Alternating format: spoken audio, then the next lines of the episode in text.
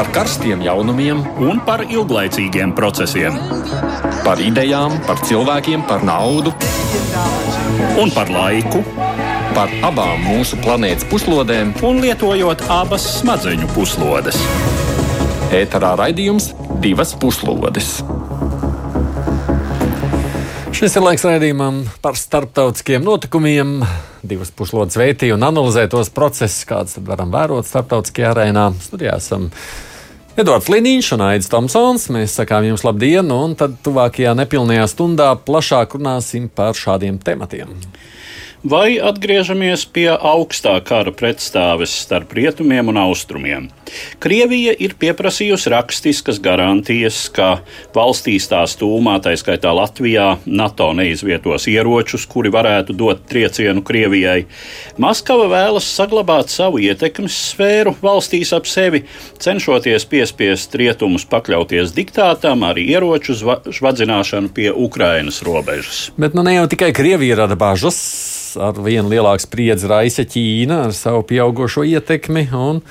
Izskatās, ka šī valsts politika spēja īstenot slēptāk, bet varbūt arī sekmīgāk nekā Krievija.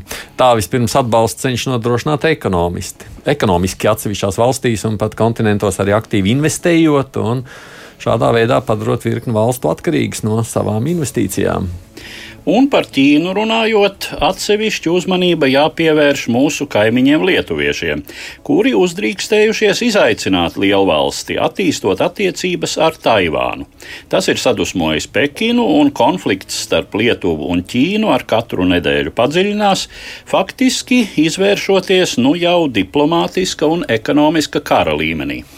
Šie trīs temati būs mums plašākā izvērsumā. Raidījuma beigās vēl būs arī dažas uh, ziņas īsumā, bet mēs sākam vispirms ar jauno augstā kara retoriku. Pēdējā laikā, komentējot Krievijas un Rietumvalstu attiecības, arvien biežāk tiek pieminēts augstā kara jēdziens. Kā zināms, augstais karš 20. gadsimta otrajā pusē bija vairākas desmitgades ilga pastāvīga pretstāves situācija starp toreizējo Padomju Savienību un tās satelītu valstīm no vienas un rietumu jeb brīvās pasaules valstīm ar ASV priekšgalā no otras puses. Šai situācijai bija raksturīga bruņošanās sacensība, tā skaitā masu iznīcināšanas ieroču jomā, pasaules sadalīšana ietekmes sfērās, abu lielvaru netieša klātbūtne lokālos konfliktos un divu atšķirīgu un diezgan izolētu ekonomisku sfēru veidošana. Padomju Savienības un visas padomju sistēmas sabrukums pagājušā gadsimta 80. gados tiek pamatoti uzlūkots kā PSRS zaudējums augstajā karā. Protams, tieši augstā kara situācijas atkārtošanās mūsdienās nav iedomājama, taču notikumi tieši pēdējās nedēļās liek to atcerēties. Vispirms jau tie ir Krievijas prezidenta Vladimira Putina prasījumi garantēt NATO tālāku nepaplašināšanos austrumu virzienā, atsakoties no Ukrainai un Gruzijai savulaik dotā solījuma, ka šīs valstis nākotnē varēs pievienoties blokam. Šādu garantiju iespējamību jau noraidījušas kā Savienotās valstis, tā NATO, paziņojot, ka bloka un kādas potenciālas dalību valsts attiecības noteiks tikai bloka locekļu lēmumi, nevis kādas trešās valsts diktēti noteikumi. Krievijas prezidenta Putina un Savienotā valstu prezidenta Baidena video konferencē pagājušo nedēļu sekoja vakar notikusī līdzīgā tiešsaistes saziņa starp Putinu un Ķīnas Tautas Republikas līderi Sīdzinpinu. Tikusi apspriesta savstarpējā sadarbība, kā arī Kremļa runas vīra Dmitrija Peskova vārdiem runājot, Savienoto valstu un NATO agresīvā retorika. Kā zināms, arī rietumvalstu attiecības ar Ķīnu pēdējā laikā ir manāmi sāsinājušās, biežāk izskanot kritikai par cilvēktiesību situāciju Ķīnā, sevišķi uiguru minoritātes stāvokli, kā arī militārā spēka demonstrējumiem Taivānas virzienā. Tāpat gan Maskava, gan Pekina ar sarkasmu un nepatiku reaģējusi uz prezidenta Baidena īstenoto tā saucamo samita demokrātijai ideju. 9. un 10. decembrī notikušajā videokonferencē ar Savienoto valstu prezidentu piedalījās 111 valstu vadītāji, un ne Ķīna, ne Krievija nebija starp aicinātajiem. Studijā kopā ar mums ir arī ārpolitikas institūta Āzijas programmas vadītāja, viņa arī Rīgstaņa Universitātes Ķīnas studiju centra vadītāja un Aleksandra Bēziņš-Renkova. Labdien! Sveicināti! Eduards, kā tu raksturot, kas tad notiek šobrīd Krievijas un NATO valstu attiecībās? Nu, spriedzes pieaugums. Uh, un, uh, no vienas puses, nu, mēs jau kuro nedēļu pēc kārtas runājam par šiem tematiem, par Krievijas joprojām militārā spēka uzpumpēšanu Ukrainas robežas stūmā, un, kā zināms, tur šis daļēji iesaldētais konflikts, tā varētu teikt, Ukrainas austrumos pastāv kopš 2014. gada, kur Krievijas klātbūtne ir nu, no vienas puses, nevienam tas nav noslēpums. Ja, jo tās augtās tautas republikas, kas tur ir izveidojušās ar saviem resursiem, nevarētu pretoties tādā veidā Ukrainas militārajiem, militārajiem spēkiem un šai pretterorismu operācijai, kāda ir. No, tas ir tāds šantāžas elements tagad, lai piespiestu šķiet rietums nu, runāt, ne? Apmēram tā. Jā, nu, tas, eh, tas ir, eh, un ne tikai runāt, bet eh, arī acīm redzot, nu, runāt tādā līmenī un, un par tādu tematiku, kādu vēlas no, nu. Krievija. Tā, tā, nu, tā faktiski ir zināmā mērā dienas kārtības uzspiešana. Uh, ar militāriem līdzekļiem. Nu, tā ir uzvedība, kādu Krievija īsteno jau labu laiku, uh, kuru uh, nu, var raksturot kā tādu riskantu spēli, kur Krievijas teiksim, taktikas pamatā ir priekšstats, ka rietumvalstis nav gatavas, teiksim, vai, vai būs katrā ziņā uzmanīgākas vienmēr nekā Krievija kaut kādā konfrontācijā, un tāpēc šādā veidā tās var piespiest vismaz daļēji, teiksim, iziet uz kaut kādiem Krievijai. Krievijai vēlamiem soļiem, nu vai tā būtu, teiksim, galu galā tomēr gāzes vada Nord Stream 2 iedarbināšana, uh, vai, teiksim, Nu, ietekmes sfēra, nu, vismaz publiski tā ir tāda ietekmes sfēru sadalīšana, ne? Nu, šobrīd, nu, tas, ko mēs tikko nu, dzirdējām nevien... ziņās. Jā, ne? nu, Tur ir tas ir tā nu, īpatnēji, kurā brīdī kurš par, par to runā un kādā veidā. Jo ietekmes sfēra nu, tādā pagājušā gadsimta otrās puses un, un vēl, vēl agrāku laiku retorikā nu, par to, it kā mūsdienu starptautiskajā politikā runāt vismaz rietumiem nav pieklājīgi. Un tas ir tas, par ko šobrīd ir aktuālā saruna. Nu, mēs neesam gatavi par to runāt šādās kategorijās. Jā, bet nu, te tā pretstāv, vai ne? Tātad nu, nu, vismaz pagaidām Krievija un NATO. Krievija saka, lūk, NATO, nu, mums vajag panākt kaut kādas garantijas, ka jūs mums pārāk nepietuvojaties. Nu, jā, nu ir, ir jau, protams, tā, ka tā Krievijai tā situācija ir mainījusies visai radikāli. Ja mēs salīdzinām ar to periodu, kas bija augstā kara periods, jo, nu, jā, teiksim, potenciāli Krievijai nedraudzīgu valstu robežas ir daudz tuvāk Maskavai. Nu, jā, jā. Jā. Bet nu, no otras puses, jautājums, kāpēc šīs valstis eh, no Krievijas puses varētu tikt uzlūkotas par nedraudzīgām? Jo, nu, teiksim, eh, tā retorika, kas ir tā sacīt, mūsu apdraud, jo, jo mēs esam pārāk lieli, skaisti un, un patstāvīgi. Ja? Mūs, tāpēc mūs apdraud šie kolektīvie rietumi. Nu, tas ir teiksim, Krievijas iekšējā patēriņā tāds labs motīvs uz āru. Tas, tas izraisa varbūt smīnu. Bet tas, kas bija arī tajā ierakstā, ko tu gatavoji, tur bija tā, tās arī pieminētās Krievijas sarunas ar Ķīnu un tā, Ķīnas prezidentu. Vai, vai mēs varam teikt, ka starp rietumiem NATO pieņemsim un Krieviju Krievija varētu būt tādā tandēmā ar Ķīnu šajā pretstāvē? Eh, protams, eh, tā izskatās un noteikti Putins uz to spēlē, mm, bet es gribētu teikt, ka viedoklis par Krieviju un Ķīnu kā tādiem savstarpēji iedrošinošiem aktoriem, nu, piemēram, Ķīna saka, jūs tur varat Ukrainā darīt, ko gribat, mm. bet mēs savukārt tur to savu Taivānu darām, tad tur jūs mūs atbalstat, ir pārspīlēts. Jo tomēr šo divu spēlētāju starpā tie ir abi, tās ir abas ultranacionālistiskas uh, nu, sistēmas, it īpaši aizsardzības uh, sfērā. Jā, ir bijušas kopīgas apmācības, bet tāpat laikā Krievijai tiešām ir no Ķīnas bail. Citreiz mēs uh, pārspīlējam to, ka ir tāda savstarpēja nu, tā atšķirība starp Ķīnu un Rietumiem, un Rietumi apzinās tos Ķīnas riskus. Mm. Ja?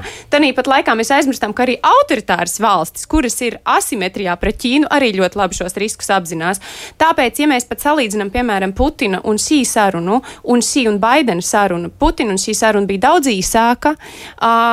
Ķīnieši par to, ķīnieši to faktiski ir pat dažādi. Da, Krievijas iekšējā patēriņā tā tika pasniegta kā tāda pilnvērtīga divu līderu saruna, kur pretī ķīnieši par to stāstīja kā par video zvanu.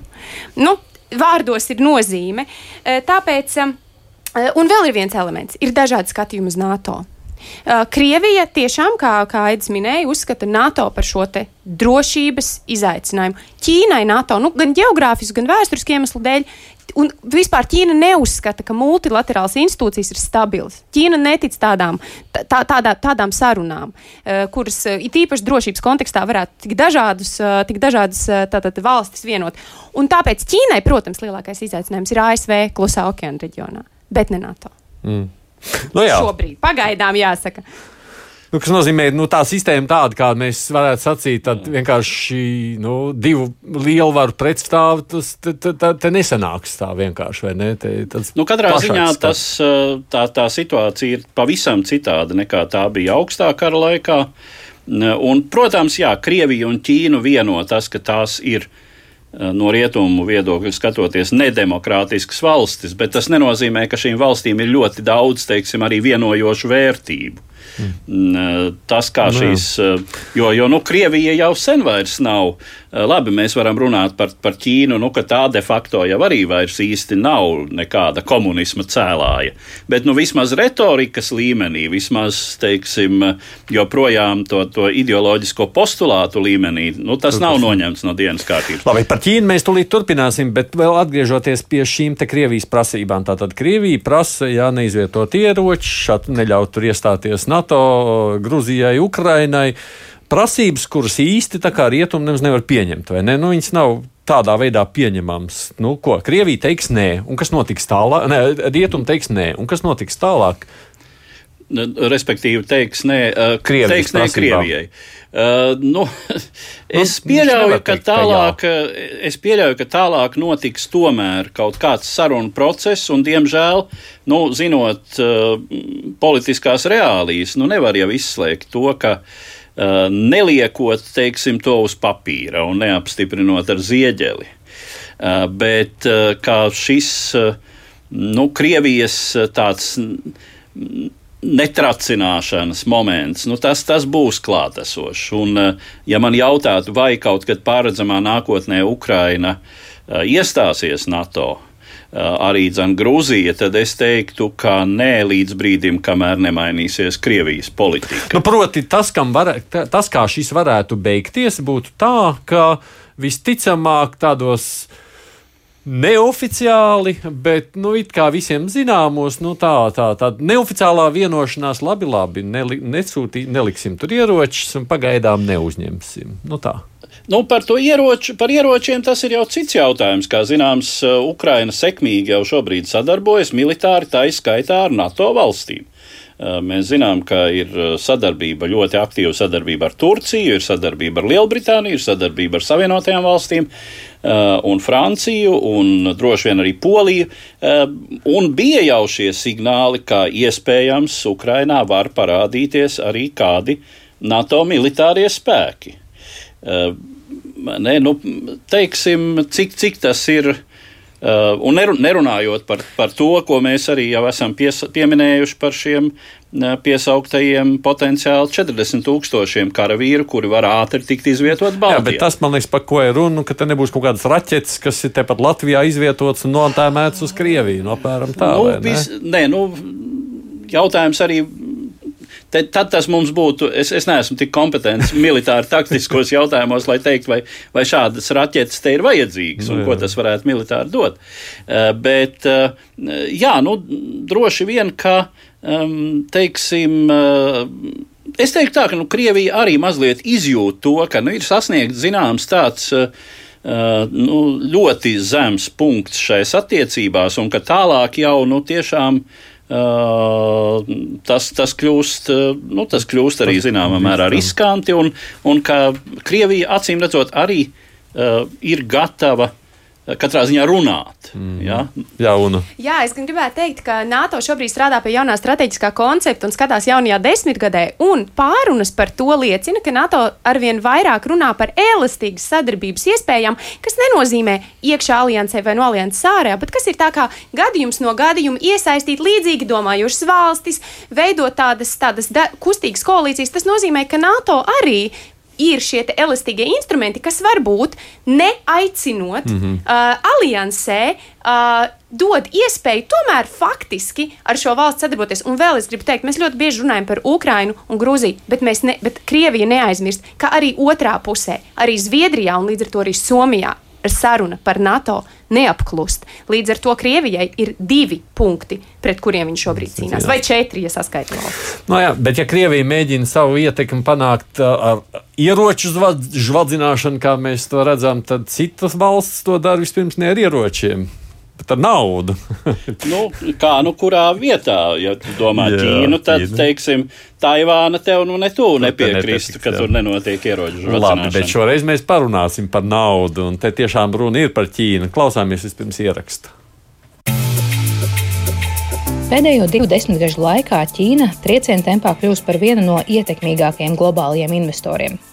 Pekinas valdības kontrolētais starptautiskais resurss Global Times jau pagājušā gada septembrī ziņoja, ka Ķīnas tiešās ārvalstu investīcijas pārsniegušas 2,5 triljonus ASV dolāru, un Ķīna pirmoreiz vēsturē ieņēmusi pirmo vietu pasaulē. Pat ja totalitārās valdības mediji šajā ziņā nedaudz piepušķo ainu, nepārprotami ir tas, ka Ķīnas globālās ekonomiskās ietekmes faktors ir ļoti pamanāms.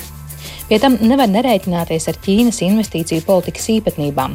Pirmkārt, šo investīciju struktūrā daudz lielāku vietu nekā citu starptautisko investīciju gadījumā ieņem valsts uzņēmumu investīcijas. Saskaņā ar neatkarīgās izpētes grupas Rodium Group datiem 2016. gadā, kad Ķīnas ārējo investīciju apjoms Eiropā sasniedz maksimumu, proti, apmēram 44 miljardus dolāru, nepilnu trešdaļu no šī apjoma veidoja valsts uzņēmumu ieguldījumi. Saprotams, ka investīcijas, kas tieši saistīts ar totalitāru varu, raisa bažas.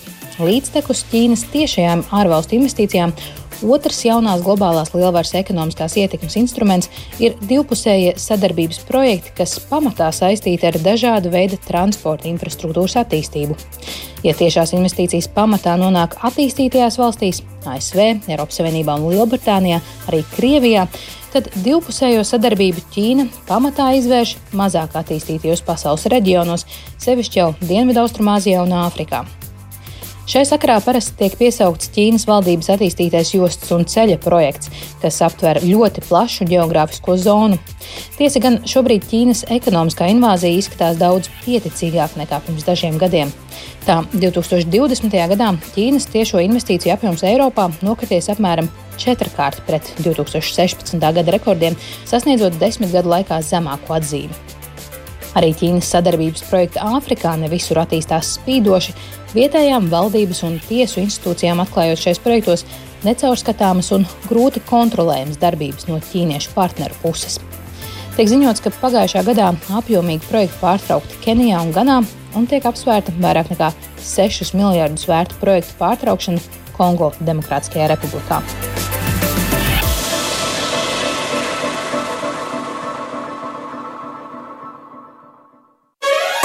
divas puslodes.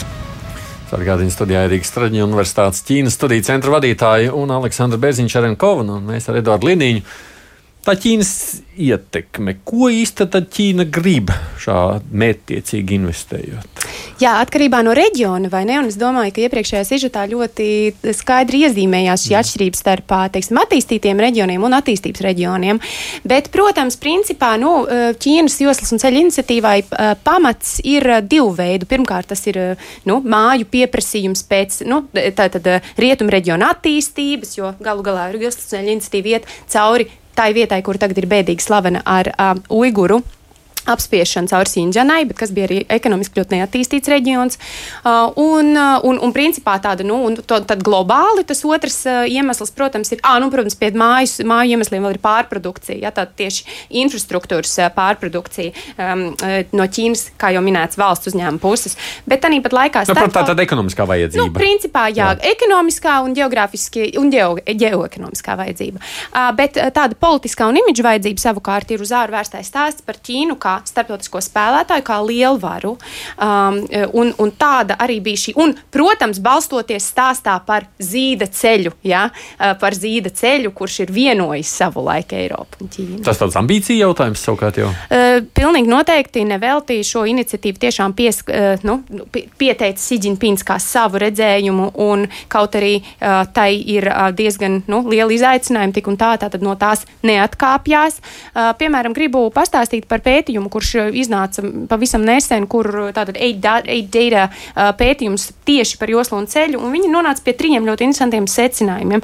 Pirmkārt, viņi nonāca pie secinājuma, ka kaut arī ieguldījumi ir milzīgi, bet tie pārsvarā ir aizdevumi. Jā, tātad Ķīna nevis dod naudu, nevis dāvina naudu, nevis investē, bet aizdod turklāt protams, nodrošinoties, vismaz šobrīd jau iemācoties no savām kļūdām, nodrošināties, lai šo naudu varētu atgūt. Bet tāpat laikā, tad, kad mēs runājam par to, ka ķīnieši tā tad nu, atņem uh, nu, uh, ostas un infrastruktūru kā, kā tādu nu, apmaksu par, par, par, šo, par neizpildītiem saistībām, tas mazliet ir mīts. Ķīnieši nav šī ziņā vakarēji. Viņi ļoti labi saprot, ka ar nelikvīdu ostu īstenībā izdarīt var maz. Un tāpēc, kaut arī šādi gadījumi ir, ja, un mēs tagad arī, protams, ļoti labi zinām gan par Šrilanku, gan par citiem gadījumiem, bet pārsvarā šobrīd ķīniešu aizdevēji cenšas pēc iespējas likvidāk no šīs valdības, kurai viņi aizdod, saņemt garantijas, ka viņi savu naudu saņems atpakaļ. Problēma gan ir arī tāda, ka, kā šis pētījums norāda, patiesībā šobrīd ir uh, milzīgs skaits uh, uh, valstu, kurām ir vairāk nekā 10% viņi ir parādā no sava IKP Ķīnai. Un šīs valstis patiesībā pat nepaziņo par to, ka viņi ir uh, parādā Ķīnai, jo šie aizdevumi ir nevis, teiksim, valsts aizdevumi, bet tie ir caur kādām kompānijām vai caur publisko-privāto partnerību. Bet galu beigās tā ir valsts un nodokļu maksātāja naudas, kura šo rēķinu sēdz, ja kaut kas noiet grēji. Bet pamatā tur tomēr ir bizness nu, tādā ziņā vēlme vienkārši nopelnīt vairāk, liela valsts, liels bizness. Nu, Biznesa loģika arī ir klātesoša šajā, e, šajā, šajā plānā, bet tomēr, e, un par to liecina tas, ka mēs lasām ziņojumus par to, ka Ķīnas joslas un ceļa iniciatīvas uh, ietveros Ķīna apmaksā šo saņēmēju valstu apmācību, piemēram, Pasaules bankā un vispār finanšu ekspertīzē, cerot, ka viņi spēs to naudu atgūt. Ja? Mhm. Bet no otras puses, protams, šādā valstī, kur ir tik spēcīga vertikālā pārvaldības sistēma un kur, kur nav šādu nu, līdzsvaru, līdzsverojošu elementu. Protams, ka tajā brīdī, kad ir uh, biznesa loģika un ģeopolitiskā loģika, tad ģeopolitiskā loģika ņem virsroku pat, ja tas ir uh, nu, galu galā jebkurš zaudējums, taču var arī piesekt. Mm. Runājot par šo, nu, nav jau nu, kā iepriekš. Nu, Valdīja ASV, vai ne? Viņiem arī ir ietekme visur, vai ne? Arī ir devuši naudu, arī ir tādā veidā mēģinājuši ietekmēt. Nu, labi, nu, te Ķīna. Tagad. Nu, jā, nu, tas ir jautājums. Uh, protams, par to, kāda šī ietekme ir uz ko. Uh, nu, ja mēs runājam par Savienoto Valstu ietekmi, jā, nu, teiksim, uh, mēs atceramies, kas bija Māršala plāns pēc otrā pasaules kara. Uh, Tātad, jā, ļoti lieli ieguldījumi tobrīd kara izpostītajā Eiropā, kuriem bija nu, nekādā ziņā ne tikai altruistiski mērķi. Mm -hmm. Tie mērķi bija neļaut šajās ekonomiski, sociāli destabilizētajās valstīs uh, izplatīties uh, uh, komunisma un citām līdzīgām radikālām kreisām idejām. Kam, kam tajā brīdī bija ļoti labvēlīga augsne. Tas bija pilnīgi loģisks risinājums. Tātad šīs valstis ir pēc iespējas ātri jādabū atkal ekonomiski uz kājām, un tas arī perfekti izdevās. Bet mēs nevaram teikt, ka šobrīd visa tā rezultātā Eiropa būtu joprojām savienoto valstu kādā vasaļa atkarībā. Ja to apgalvo Krievijas propaganda, nu, piedodiet, tas nav sevišķi nopietni. Bet ja? nav jau neviens arī šobrīd vasaļa atkarībā no Ķīnas. Vēl nav. Bet tas ir, tas ir jautājums, vai ne? Kāda, kāda tā sacīt, papildu slodze, vai, vai nu, teiksim, kas īsti slēpjas aiz šīs požā iepakojuma, Un, manuprāt, tas, ka 2016. gadā sasniedzot zināmu maksimumu, šīs investīcijas ir pēc tam kritušās. Tas nav tikai pēdējo divu gadu, kā varētu domāt, pandēmijas situācijas rezultāts, kam, protams, arī ir sava ietekme, bet jau kādu laiku, piecus gadu tagad, jā, apmēram piecus gadus, atkal ir zināms atkritiens. Nu, tur droši vien ir diezgan daudz iemeslu, kāpēc tas tā ir, bet viens iemesls ir tas, ka rodas jautājums. No, bažas, bažas, rodas ba bažas, bažas jā. jā, par to, ka, kas, kas, ir šī, uh, kas ir šīs investīcijas, jo nu, ir skaidrs, ka nerunājot par valsts uzņēmumiem, bet arī privāti uzņēmēji Ķīnā šīs politiskās sistēmas dēļ nevar būt gluži neatkarīgi no šīs totalitārās valsts varas. Cik daudz ir jābažās par šīm investīcijām? Globāli, nu, jā, atkal reģio, jāskatās reģions, jo patiesībā um, pē, tāds, pā, tāds secinājums pētniekiem, ieskaitot mani, kuri nodarbojas ar joslas un ceļu iniciatīvas tādu kartēšanu, principā ir viens. Ķīna ies tieši tik tālu, cik tālu vietējās institūcijas viņai ļaus. Uh, nekādā gadījumā nedrīkst cerēt uz kaut kādu labāko prakšu pielietojumu, jo pirmkārt Ķīna mācās, un otrkārt viņā pašā nav šīs, te, kā jau teicu, līdzsvarojošās uh, sistēmas, kura varētu pašiem sev teiksim, kaut ko aizliegt. Līdz ar to šie milzīgi daudz sliktie piemēri uh, no, nozīmē, ka um, vietēji vietēji aktori, šie Ķīnas aktori nav bijuši kompetenti vai ir bijuši necaurspīdīgi, negodīgi. Vietējie aktori to ir pieļāvuši. Nu, Pastīsimies uz Montenegro ceļu uz nekurieni. Ja? Un tam pa virsmu vēl, ko īpaši uzsver mani Balkānu kolēģi, Rietumbalkānu kolēģi, ir tas, ka ir rietumvalsts, ir Eiropas Savienība, kuri deklaratīvi saka, jums vajag tā, tā, tā, bet reālu atbalstu nesniedz. Nu, protams, mums ir cerība, tagad uh, uh, Eiropas Savienība ir pasludinājusi jauno savienojumības, tad globālās uh, savienojumības stratēģiju, un kas ir principā tāda ģeostrateģiska pieeja savienojumībai, kas ir atbilde, kaut arī Eiropas Savienība apgalvo, ka tā nav atbilde joslai un ceļai, bet nu, ir pilnīgi skaidrs, ka tā ir atbilde joslai un ceļai, joslai un ceļām, piedodiet. Uh, Bet, un arī ASV ir, atnā, ir, ir nākuši klajā ar savu šo Build Back Better World, ja, B3W uh, lo, ideju, kas gan ir mazāk izstrādāta šobrīd. Nu, redzēsim, kur tas novedīs. Nu, pagaidām ķīnieši ir priekšā. Vai, vai, vai, vai tas vedīs pie tādas tiešām dominances? Nu, varbūt nē, jo uh, tiešām šo, šo slikto piemēru ir arvien vairāk un vairāk. Uh, Bet tas, ko Ķīna izvēlas, kurās valstīs tomēr guldīt, kurās nē, nu, viņi, kāpēc viņi interesē Balkānu, tur nu, Ungāriju, bet viņi interesē Latviju, pieņemsim, nu, ne, tur, mēs kur, tur ne, gribētu nu, gandrīz vai reizēm mums nedod. Nezinu, nu, no Baltijas valstīm salīdzinoši Igaunijā ir lielākas investīcijas, lai gan tur varētu būt tas moments, ka teju vai otrajā vietā vai trešajā vietā Eiropā ir Somija.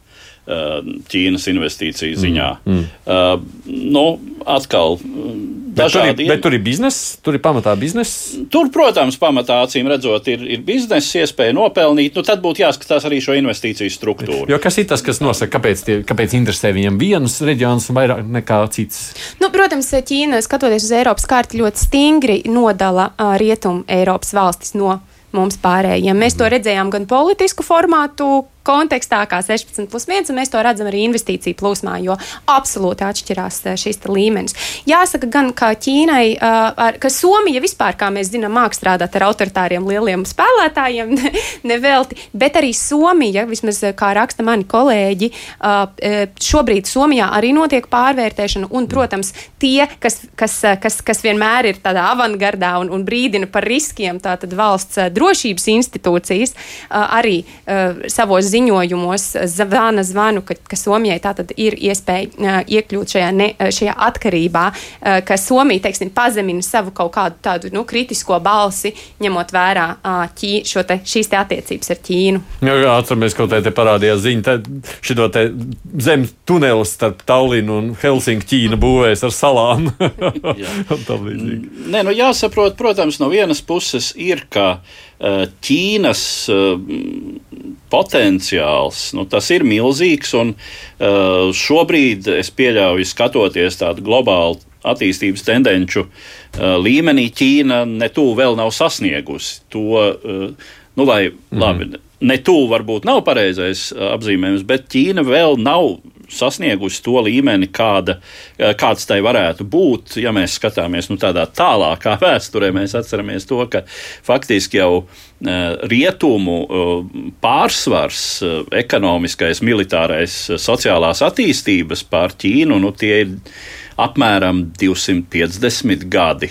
Līdz tam vienmēr Ķīna praktiski vienmēr ir bijusi priekšā mums, rietumniekiem. Tā ir bijusi tehnoloģiski daudzos laikposmos attīstītāka, tā ir bijusi sociāli labklājīgāka un tā tālāk.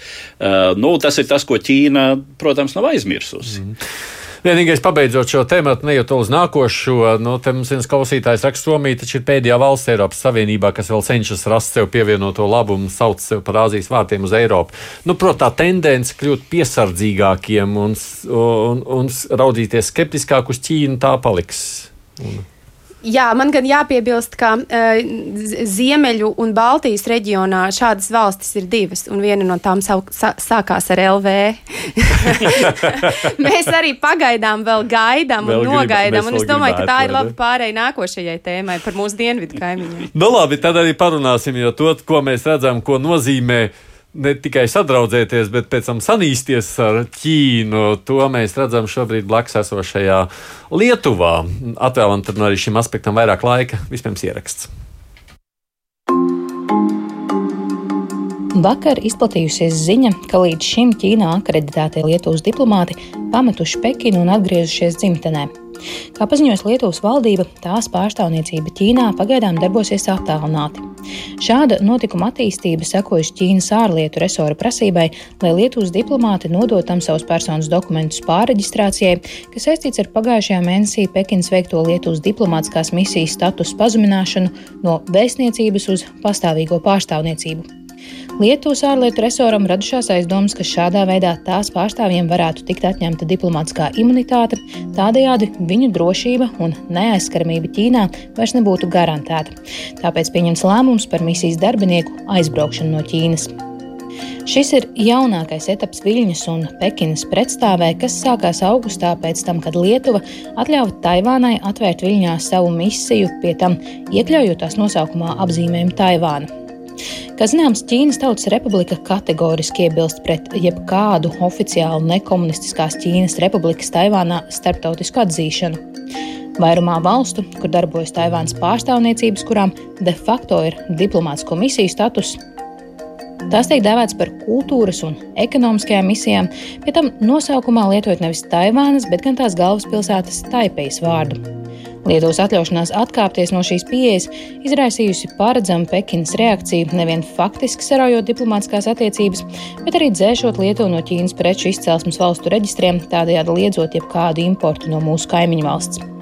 Atbalstu Lietuvai jau paudušas Amerikas Savienotās valstis, Polija un arī vairāki Eiropas Savienības pārstāvi, norādot, ka šāda vēršanās pret vienu no dalību valstīm uzlūkojam par vēršanos pret visu Savienību. Kā tad ir tagad lietuvieši ar savu konsekvento nostāju? Malači vai muļķi tomēr? Nedrīkstam laikam tā, tā neiekritīšies šajā slazdā, bet teikšu tā, šo nostāju, protams, lielā mērā noteikusi Lietuvas iekšpolitiskā situācija, ne tikai, teiksim, ārpolitiskā. Jo šis jautājums ir, nu, kāpēc tad, ja mums ir bijuši tik līdzīgas ār, eh, nu, reģionāla pieredze attiecībās ar Ķīnu, tad kāpēc tieši Lietuva šādi? Nu, atgriezīsimies 20, 19. gadā ar šiem skandāliem, kad Ķīnas vēstniecība pārkāpa sarkano līniju, rīkojot pretprotestu, ja Hongkongas pret, pretēji tiem, kas atbalstīja Hongkongu. Atgriezīsimies pie, mēs jau esam šajā studijā studijā apsprieduši uh, incidentu Krīžu kalnas, ja, tad, krustu kalnā, kad, kad, uh, kad, kad turisti no Ķīnas uh, iznīcināja krustu, uz kur bija rakstīts tad, Hongkongas atbalsts, ko, ko lietuvieši, protams, jo gal galā Krīžu kalnas taču ir antikomunistisks simbols, ne tikai reliģisks. Ja. Un, un šādu, šādu stāstu bija virkne. Atcerēsimies stāstu par to, ka 19. gadā ķīnieši beidzot saņēmās un izdomāja, ka viņi grib investēt Klaipēdas ostā, un tūlīt pat Lietuvas aizsardzības ministrs pēc sarunas ar ASV, protams, pateica, nekādā gadījumā tā ir NATO osta. Jā, tas nenotiks. Un tad aizjām uz 20. gada decembri. Jaunā valdība mums ir uh, Gabriels Landsbergis, ja, kurš, ir, kurš, kurš, kurš kļūst par, uh, par ārlietu ministru un kuram ir šī te, tāda vērtību platforma. Un šis viss aiziet kopā. Un izveidojās tas, kas, ko, ko mēs šodien redzam. Bet jāsaka, ka šai Lietuvas politikai ir divi elementi. Uh, pirmais bija atkāpšanās no 17 plus 1. Ja? Tā tad beigšana, parādīties un pateikšana, ka mēs neredzam jēgu piedalīties šajā Ķīnas formātā, un tas bija tādā kopīgā anti-autoritārisma retorikā, kuru šī li jaunā Lietuvas valdība un šis Gabrieļus Landsbergis piekopa tātad gan attiecībā uz Krieviju, gan attiecībā uz Baltkrieviju, protams, un arī uz Ķīnu. Tātad mēs neredzam jēgu ar šo partneri sadarboties, mums to, nu, tas neko nedod, un beigās vēl nu, mēs neatbalstam viņu cilvēktiesību pārkāpumus. Ja?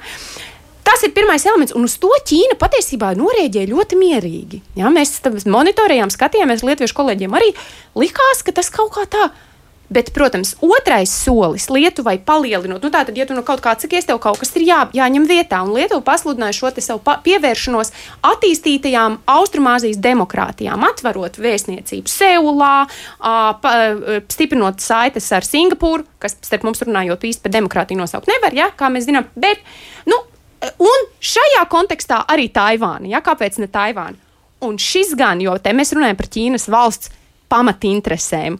Un šis jau izraisīja retorisko vētru, absolūti histēriskus rakstus šajā jau šodien pieminētajā Ķīnas uh, valsts mēdījā Global Times, kur Lietuva tika nosaukt par mazu traku valsti. Un, un visādi citādi tikai tās, tātad šis Global Times galvenais redaktors Huķiģins aicināja, lai Krieviju un, un Ķīnu kopā soda Lietuvu. Nu, šādas retoriskas tirādes. Un, protams, un tad šī pakāpeniskā diplomātiskā sāsināšanās. Mm. Nu, mūsu producents Ieva Zeiza sazvanījās ar Lietuvas Nacionālā radio televīzijas ārzemju korespondentu Lukasu Kivitu, kā tā situācija izstāsta no Lietuvas skatu punkta. Paklausāmies ierakstu. The relations are probably at their worst stage or state uh, currently because, uh, as you know, Lietuvas-Ķīnas attiecības šobrīd ir to sliktākajā stāvoklī. Kā jau ziniet, atbildot uz Lietuvas ārpolitisko lēmumu atvērt Taivānas pārstāvniecību Viļņā, Ķīna ir pazeminājusi diplomātisko attiecību līmeni ar Lietuvu. Šobrīd Lietuvas diplomāti gaida ziņas no Pekinas, vai tā pagarinās viņa akreditāciju, lai viņa darbs varētu turpināties. Ir daudz atbildes reakciju no Ķīnas un daudz sarunu par to, vai Lietuvai vajadzētu turpināt ieņemto ārpolitikas virzienu. Šobrīd mēs redzam, ka amatpersonas Briselē un arī atsevišķas valstis, Vācija un ASV, piemēram, izrāda solidaritāti ar Lietuvu, sakot, ka tas ir Lietuvas valsts lēmums, ar ko un kādas diplomātiskās attiecības veidot. Lietuvā valdošā konservatīvā partija gribētu redzēt, lai mūsu piemērs tiktu izmantots plašāk arī Savienībā.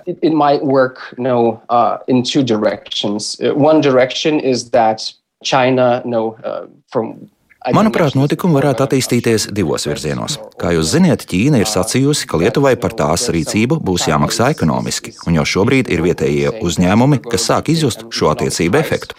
Ir grūtāk Ķīnas tirgū pārdot mūsu preces, ir boikoti, lai arī Ķīna nav oficiāli izziņojusi diplomātiskas vai ekonomiskas sankcijas. Tas, ko viņi dara, ir neoficiāli, bet ir dzirdami viedokļi, ka Lietuvas piemērs varētu likt citām valstīm atturēties no ciešu ekonomisko attiecību veidošanas ar Ķīnu. Tas, manuprāt, būtu pozitīvi vērtējams. Citi saka, ka Ķīna ar Lietuvas piemēru mēģina atturēt citas valstis Eiropas Savienībā un citur no domām par attiecību veidošanu ar Taivānu, kas, protams, cieši saistīts ar vienas Ķīnas politiku, par kuras pārkāpšanu šobrīd Ķīnas propagandas mašīna uzbruk Lietuvai. Lai arī valdošā partija šeit ir saņēmusi kritiku par tās īstenoto ārpolitiku, īpaši no opozīcijas puses, kas saka, ka šī brīža pieeja ir ļoti konfrontējoša, tā rada jaunus ienaidniekus, un tas nav labi šī brīža nestabilajā starptautiskajā vidē.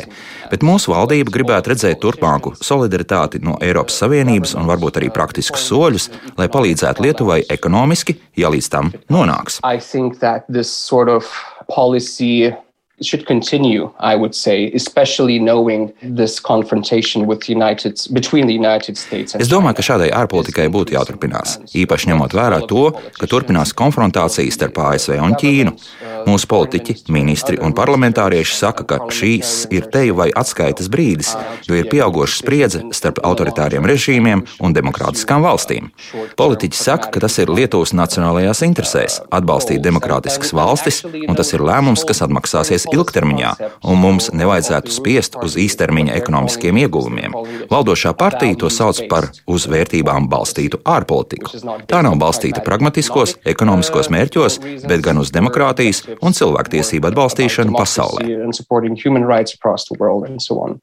Nu, tā kolēģis no Lietuvas radio un televīzijas īstermiņā, ne ilgtermiņā, nevis īstermiņā, vērtībās, nevis finanšu iegūmos balstīta ārpolitika. Nu, šie nav tādi būtiski argumenti ārpolitikā. Nu, protams, ka ir.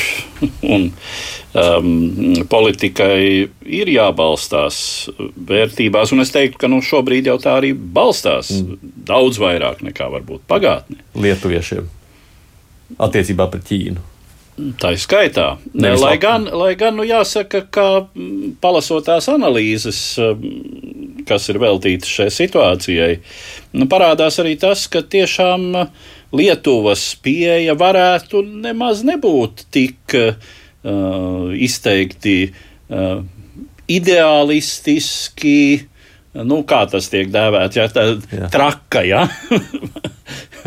tā tad maza, maza traka valsts, jā, jā, kur nezko ir iedomājusies, ka jā, patiešām nu, tas ir jautājums, kā tad turpmāk attīstīsies visa situācija Austrumāzijā, vai kā mēs jau to nu, pat runājām, vai šis Ķīnas ekonomiskais uzvaras gājiens tādā pašā tempā un mērogā, kā tas ir noticis kopš gadsimta sākuma, Uh, arī turpināsies, un drīzāk jau ka uh, negluži, ja, negluži tik, tik strauji un, un kā arvien vairāk, nu tā tad. Uh, arvien rezervētāka attieksme, kas vēl zina, kā rezultēsies viss, kas ir saistīts ar pandēmiju un, un, un ar šiem procesiem. Uh, Tā kā varbūt viņi ir pravietiski gudrāki ne, nekā mēs, latvieši, kas tur nu, nogaidām, saka, nu, ka mēs tādi maziņi. Nu, jā, patiesībā, protams, neaizmirsīsim, ka Lietuva uzķēra kaut kādā mērā tādas, tā, tādas, tādas sentimentus un izjūtas, kuras šajās 16 valstu starpā, 17 valstu starpā tā, jau tā valdīt, īpaši starp Eiropas Savienības valstīm, mm. kuras ir iekļautas šajā, šajā sadarbības formātā ar Ķīnu. Sarunas par to, ka, nu, kas mums īsti no tā Eh, jau ne, neizdomāja viļņa. Uh, tomēr, protams, kā jau es, es pieturos pie, šī sava, pie, pie šīs klasifikācijas par to, ka pirmais solis par 16 plus 1, ja, tas ir nu, pilnīgi loģiski, bet, teiksim, tālāk jau uh, šī Taivāns kārts, jā, tā bija jau spēle arī uz publiku um, un, un uz, uz, uz tādu, uh, eir, uz tādu, nu, varbūt sevis parādīšanu, bet tas ir arī nostrādājis, jā, tātad Lietuva šobrīd ir ikvienā virsrakstā, kas attiecās uz Ķīnas Eiropas attiecībām. Lietuvas eksperti naktis neguļ, jo viņiem viņiem ir jāintervējās pa visu pasauli šobrīd. Mm. To es no kolēģiem zinu. Uh, tāpēc jautājums ir, protams, šī ir spēle. Jautājums ir, ko, kādus iegūmus tā nesīs un, un, un vai, teiksim, vai tas atsver šos zaudējumus. Uh, jo gal galā neaizmirsīsim, ka Ķīna ir arī hibrīd spēlētājs. Uh, ne viss tas, ko Ķīna dara, ir izmērāms ekonomiski. Jā, tur noslēgt kaut ko, jā, tur, tur nelaist, no, noņemt kodus nost, kas ir kā nu, Pasaules tirdzniecības organizācijas dalību valstī. Mm, nu, nebūtu īsti pareiza rīcība, bet nu, ok, uh, skaidrs, ka sadusmojās. Uh, Bet Ķīna māca arī uh, ar hibrīdu uh, tādiem nepamanāmiem veidiem uh, ietekmēt uh, tos, kas viņai nepatīk, un tāpēc skatīsimies, kas Lietuva gaida. Es gan gribu piebilst tīri personīgi, ka tā Lietuvas vēstniecība Pekinā, un es starp citu šodien pateicu arī Lietuvas uh, uh, sabiedriskā mediju kolēģiem intervijā, ka šī vieta mums, Pekinas baltiešiem, ir ļoti mīļa bijusi, jo mēs tur esam svinējuši Jāņus. Tā bija liela vēstniecība, un tās bija mūsu, mūsu Pekinas mājas. Tāpēc, nu, žēl, ja šī ēra ir garām. Hmm. Bet, starp citu, kādām būtu jābūt tālāk Eiropas valsts nostājai? Nu, Lietuva tagad ir jau sacījusi, ka viņi gaida atbalstu no Eiropas komisijas un no citām Jā, valstīm. un uh, vārdos šis atbalsts uh, arī ir.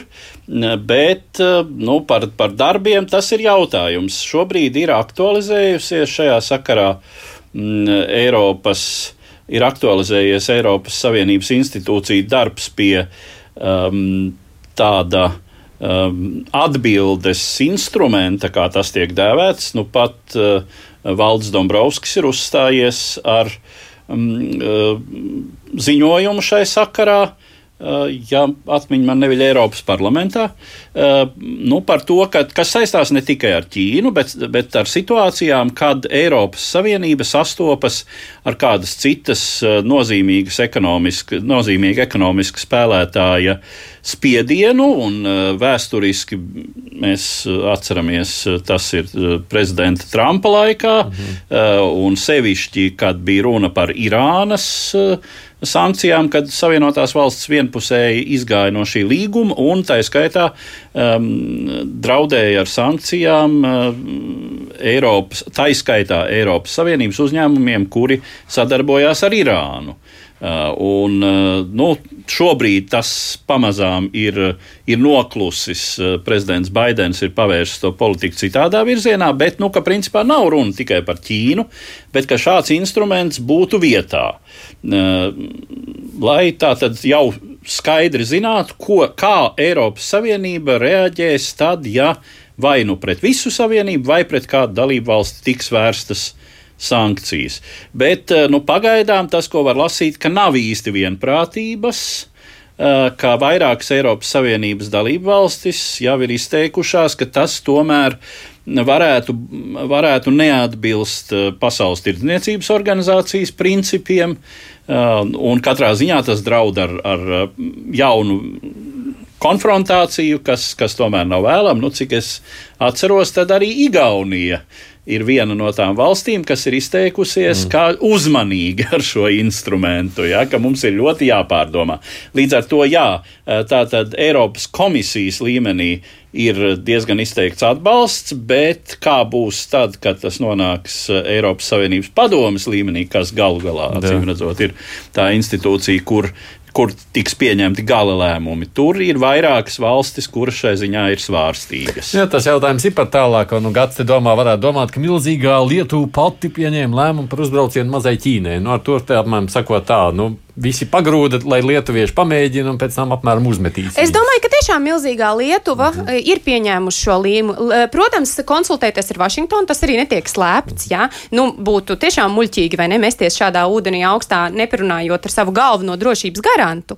Un turklāt runa ir par Taivānu, un mēs zinām par ASV teiksim, šo politiku jā, attiecībā pret Taivānu. Protams, loģiski, ka ir, nu, ka ir, ka ir saruna ar Vašingtonu. Ar Briseli mazākā mērā, jo Brisele bija diezgan tāda nu, pārsteigta. Ja, kad kad, kad Lietuva sāk šādi rīkoties. Un tāpēc neaizmirsīsim par lietuviešu mentalitāti. Uh, Lietuva ir Baltijas lielvalsts. Viņi ir uh, tiešām spēlētājs, kurš ir nu, kaut kādā veidā šajā reinkarnācijā nepamatot iespiests mazā teritorijā ar mazu iedzīvotāju skaitu, bet tā ir atcer, liela valsts. Viņi varbūt atceras tos gadsimtus, kad viņiem no Baltijas bija... līdz Melnajai jūrai. Jā, un, un var teikt, ka savā ziņā viņiem bija ar Ķīnu pat robeža. Ja, ja teiksim, Zelta orda bija savā ziņā Ķīnas vasals. Nu, Jāsaka, ambīcijas ir abām pusēm. Tā varētu to sacīt. Ja? Bet to, kā tas tālāk turpināsies, to šobrīd ir grūti vēl pateikt. Vai beig beigās?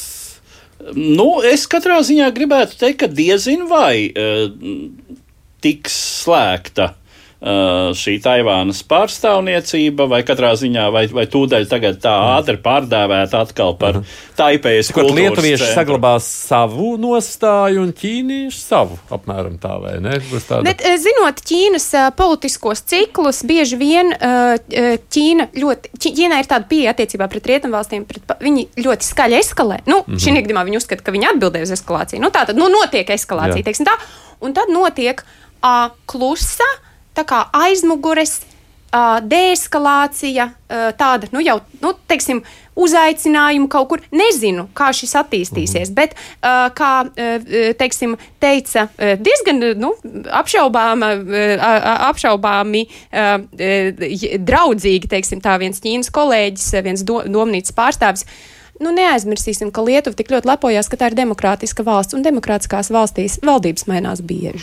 Mm -hmm. no, labi, gaidīsim, kā šī Lietuvas Ķīnas predstavīšana turpināsies. Paldies Rīgas Traģiņu universitātes Ķīnas studiju centra vadītājai un Aleksandrai Vērzņai Čerenkovai par iespēju atnākt piedalīties. Eduardam Liniņam arī saku paldies, jo paldies. man vēl pašam ir beigās palikušas dažas ziņas īsākā apkopājumā, lai tās līdz līdz klausītājiem, un es tagad turpināšu ar tām.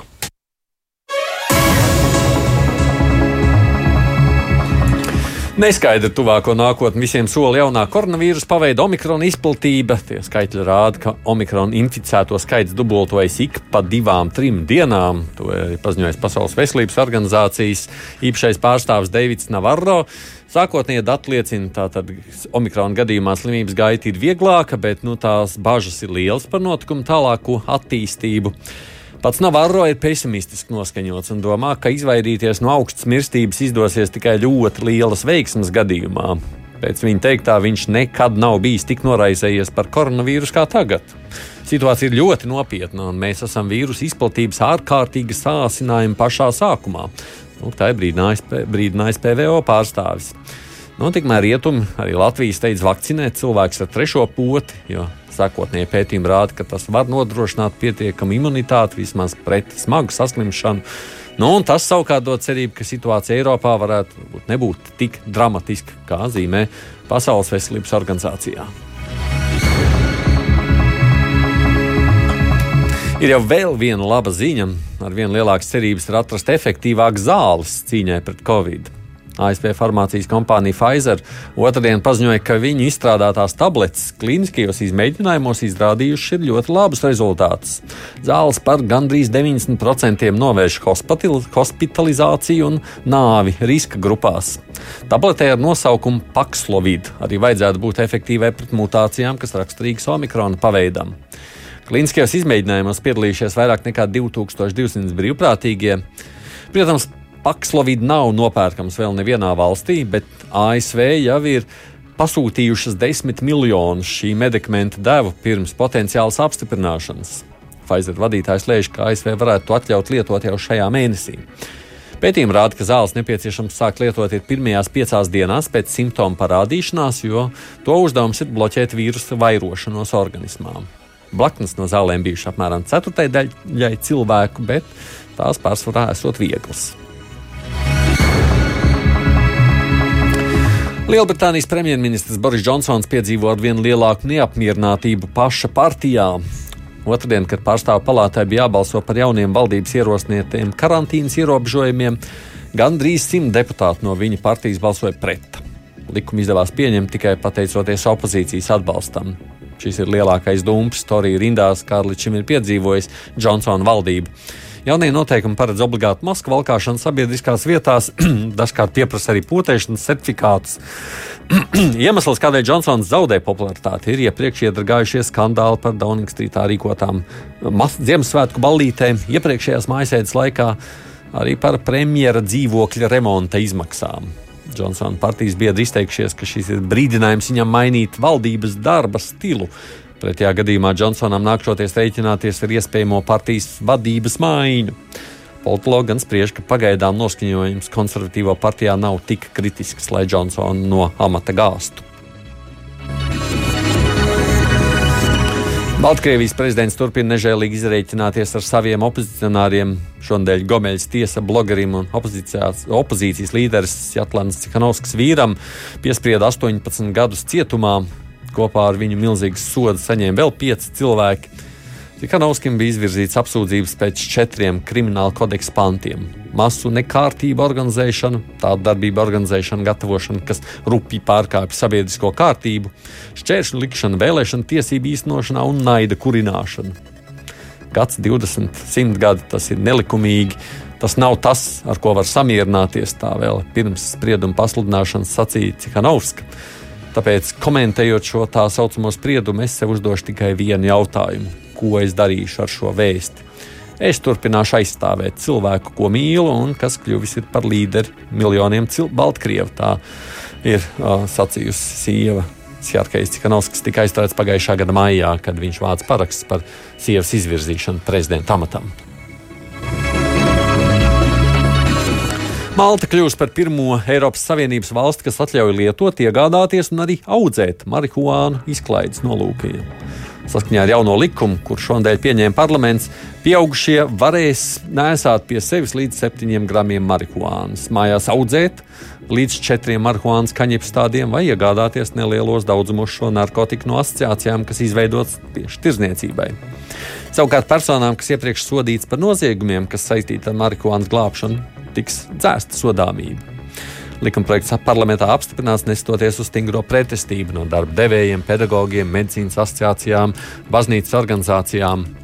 Lai gan tādas valstis kā Spānija un Malta piecieš marihuānu izklaides nolūkiem, Malta ir pirmā valsts Eiropā, kas ir oficiāli legalizējusi tās pārdošanu un ražošanu.